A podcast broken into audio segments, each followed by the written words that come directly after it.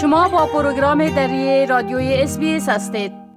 شنونده های عزیز حال همکار ما جاوید رستاپور که از کابل با ما در تماس هستند در مورد آخرین تحولات در افغانستان.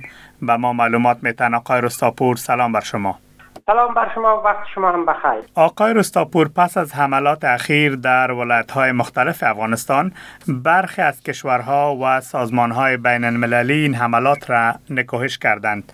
میشه که با شنونده های ما درباره حملات اخیر جزیات را شریک بسازین و بگوین که در داخل افغانستان مردم و آگاهان در مورد حملات اخیر چه میگن.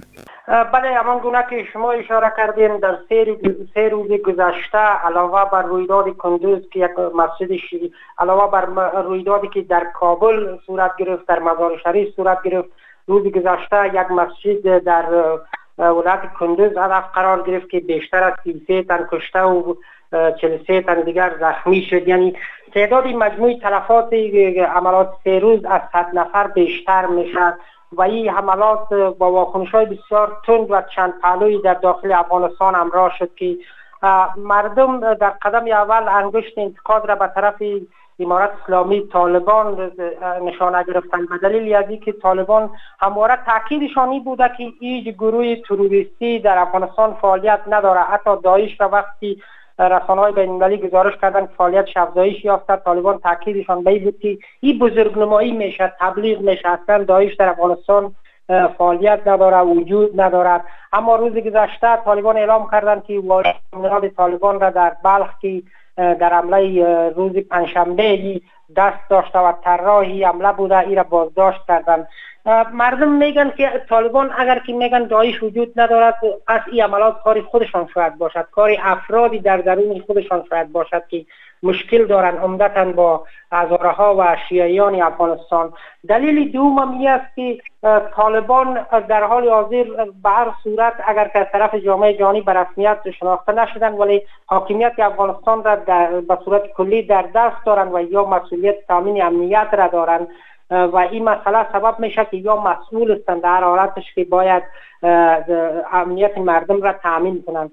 موضوع سوم واکنش هایی بود که شماری از سران قوم ازاره به شمول محمد محقق گفتند که مردم باید خود اقدام کنند. در غیر از او اگر که منتظری از باشند که امارت اسلامی طالبان امنیتی از را تامین می‌کنه این ناممکن است و طالبان برخی هایشان حتی انتقاد کردند و اتهام را به طالبان وارد کردند که طالبا چندان بدشان هم نمی آید که در مساجد و مکاتب و آموزش های از یا حملات صورت بگیرد به دلیل از اینکه یا مشکلی که از نظر ایدئولوژیک با اهل تشیع دارند و تعداد افراطیون در درون طالبا هستند که یا با فکر وهابیت و که فکر افراطی که دارن اگر شیعه هدف قرار گیرن از نظری از یا مباح دم است و چندان برشان نمیاد. اما در حالت واکنش ها چند پهلو تعداد دیگه هم تاکید بر این دارند که طالبا گروه سیاسیشان با شیعه مشکل ندارن ولی شبکه حقانی و برق افراطیونی که علاقات که در این بخش فعالیت دارن و عودتا در نهالهای نظامی هستند. یا اگر طراحی عملات هم نباشند هر از گاهی هم که اگر ببینن یا خبر باشن از جریان یک عمله اونقدر مانع از این نمیشن که عمله صورت نگیره. این اتهامات است که بر طالبان وارد میشه ولی در کل مسئولان امارت اسلامی طالبان تاکیدشان نیست که مسئول هستند در برابر تامین امنیت در برابر جان و مال مردم و یا تلاش می‌کنن که امنیت بهتر را تامین کنن و روز گذشته هم زبلای مجاهد گفت که ما یک نیروی ویژه را بر مساجد و عبادتگاه های اهل تشیع قرار است ایجاد کنیم که امنیت از را تامین کنند آقای رستاپور گزارشانشان میته که طالبان اعتراض مردمی در غرب کابل را سرکوب کردند و یک تعداد را هم بازداشت کردند. میشه که با شنونده های ما معلومات شریک بسازین که دلیل ای اعتراض چی بود و چرا از سوی طالبان سرکوب شد؟ بله این تظاهرات روز جمعه اولی ساعت 9 صبح آغاز شد و تا ساعت 11 قبل از ظهر ادامه داشت. اما افراد طالبان با معترضان برخورد خشونت آمیز کردند منابع مردمی میگن که طالبان نخست راه را برای مظاهرچیان بستند و یا هدفشان ای بود که تا هر ریاست جمهوری تظاهرات خود را ادامه بتن اما یا در مساحه دشت برچی مانع شدن یا را نگذاشتن پیش بیاین و در یک کوچه شماری از راهپیمایان را با شوک برقی و فیرای هوایی ای را متفرق ساختند و سپس تعدادی از مردان را با خود بردند این تظاهرات از سوی شماری از متعلمین، معصیلین، حتی خانم ها و جوانان دشت برچی را اندازی شده بود و شعارشان این بود که ازارا هم حق زندگی دارند خشونت بس است. ما آزادی خود را می‌خواهیم. با این شعارهای تظاهرات آغاز شد و این تظاهرات دقیقا در واکنش به حملات اخیری که در برچی در مزار شریف و در کندوز در کندوز خب بعد از ظهر دیروز صورت گرفت تظاهرات پیش از او بود. این تظاهرات در واکنش به این عملات بود ولی طالبان نخواستند که این تظاهرات ادامه پیدا کند و شماری از خبرنگاران هم که برای پوشش خبری این تظاهرات رفته بودند.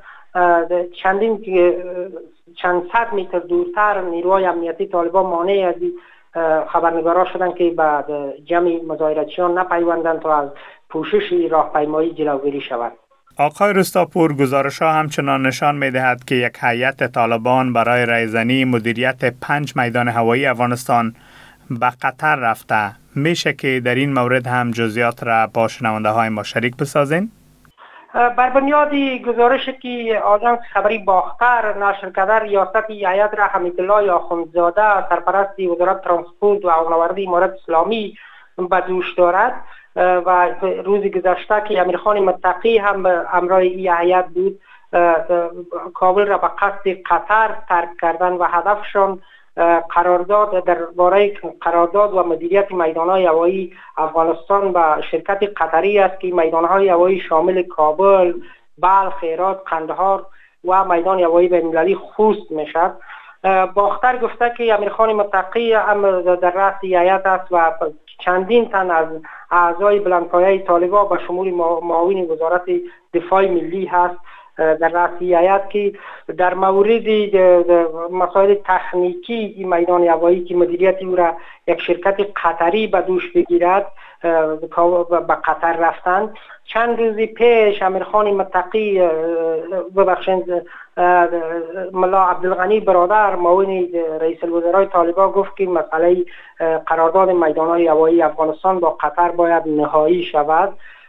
و این آیت فکر کنم پس از او طالبای تصمیم را گرفتن و به قطر رفتن. این در حالی است که چند روز پیش گزارش ها و شایعاتی در شبکه های اجتماعی پخش شد که شماری از نظامیان چینی در میدان هوایی بگرام و در میدان هوایی کابل گویا دیده شده و تصاویری هم که تایید و یا سقم از دقیق نیست در شبکه های اجتماعی دست به دست می‌شد که گویا نظامیان چینی در میدان هوایی کابل و بگرام بودند و اتهامی هم به طالبا بود که طالبا تاکیدشانی بود که این استنواره که اشغال ختم شده و هیچ نیروی خارجی در افغانستان نیست. ولی منتقدین طالبان گفتند که اگر آمریکایی ها بیرون شدن حالا چینایی ها در افغانستان نظامیانشان حضور دارند که این به نوعی اشغال است.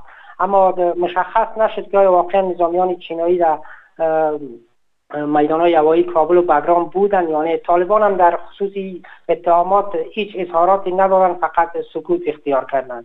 آقای رستاپور تشکر از این معلوماتتان. روز خوش داشته باشین. وقتی شما هم خوش خدا نگهدارتان. بپسندید شریک سازید و نظر دهید. اسپیس دری را در فیسبوک تعقیب کنید.